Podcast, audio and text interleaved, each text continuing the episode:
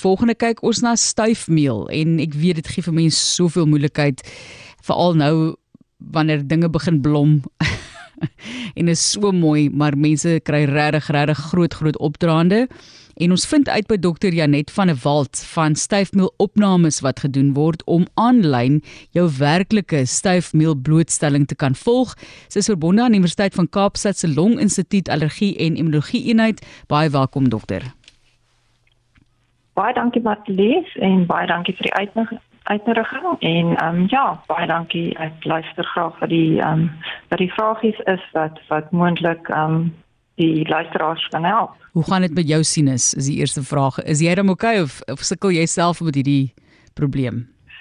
Ehm um, ek sukkel met 'n ligte vorm van van allergie, ehm um, maar meeste van my pasiënte dink ek sukkel 'n bietjie meer meer as wat ek self sukkel. So ehm um, ja. Ek moet ja. sê ons weet ja. dit hang af waar jy is en ek praat nie eers van provinsie tot provinsie nie, ek praat van buurt tot buurt en dorp tot dorp. So dit hang regtig af waar jy is, maar kom ons begin net by hoekom jy hierdie opnames doen. Ja, um, maar lief ons wil regtig maar net die publiek bewus maak van die verskillende areas in die en die styfnelvlakke omdat dit um, as 'n pasiënt presies weet wat in die lug is by um, om basies kan voorberei maak op op op jy weet watter behandeling hy moet wees en hoe aggressief hy moet wees en en watter tye van die dag hy byvoorbeeld nie moet uitgaan nie. En dinge soos jy weet moet jy jou vensters oophou moet jy jou vensters toe toe hou ehm um, jy weet wat veroorsaak die reën byvoorbeeld en die ander weeromstandighede aan ehm um, soos die wind en so hoe dit die styfvlakke beïnvloed. Maar ja so ehm um, ons ons weet dat ehm um, dit dit reg deur die beheer be beïnvloed word en ehm um, daarom wil ons mense, jy weet, oral oor die land ehm um, jy weet baie akkurate tellings kan gee wat nie net soort van net van 'n van 'n generiese vorige oorseese produk afgetrek is, miskien van die internet af nie. Ons het nou verwys na spesifieke areas. So hoe werk hierdie opnames ja. en hoe is julle so akkuraat in terme van hierdie areas? Ja, so ons het ehm um, apparate wat 'n 'n styfmeelvanger genoem word wat ehm um, boop geboue is in verskillende stede in ons land, soos in Kaapstad, Johannesburg, Bloemfontein, Durban, Pretoria, Kaapstad en ehm um, ja, Kimberley en Potchefstroom het ons hierdie ehm um, uh basis apparaat wat 'n styfmeelvanger genoem word of 'n sporttrap in Engels. En dit het basies 'n groot drom binne-in wat ehm um, en dan bevat die apparate gleuf waardeur lug ingesuig word om die basies die ehm um, die styfsel in te suig en die styfsel beland dan op 'n um, stukkie kleef um, lint wat van die drom, drom draai soos 'n amper soos 'n horlosie in die ronde en ons is dan baie akkuraat ehm um, daartoe in staat om presies te sien op op op watter dag um oor oor 'n kwessie van 7 dae um hoeveel hoeveel styfsel daar opgevang is in die lug in 'n spesifieke area.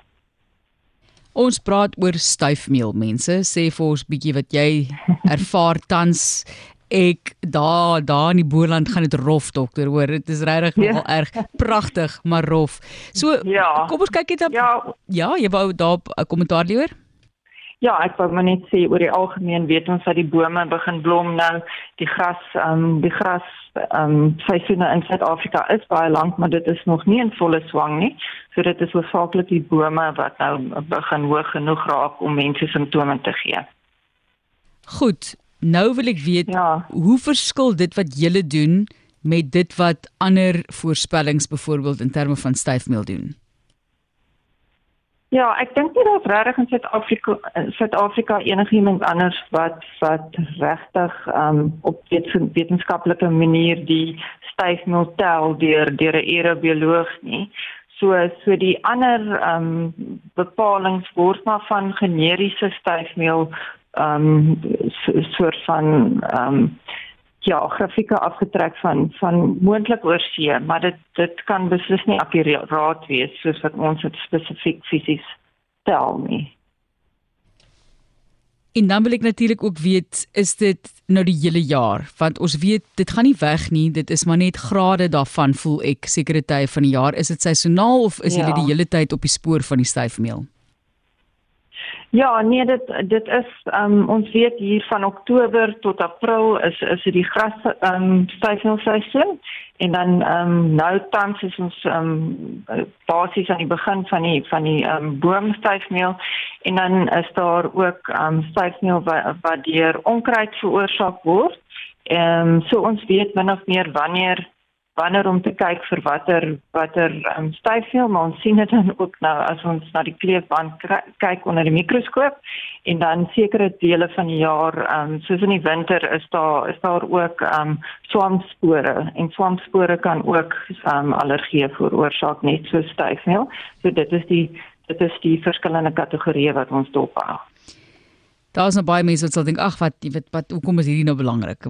Gee vir ons 'n idee vir die wat dit nie verstaan nie, wat is die ware gesondheidsuitdagings wat mense ervaar hier want is nogal 'n wye een persoon ek sien nou die dag hulle sê daar's mense wat baie keer hoes byvoorbeeld in Johannesburg, daai tipe van ding, maar hulle besef nie dit is dalk weens hierdie allergie nie. So gee net vir ons 'n idee wat 'n persoon ja. ervaar wat daaraan ly. Ja, so so ehm um, dit is wel oor ehm um, oorsaaklik mense met met allergiese rinitis of asma.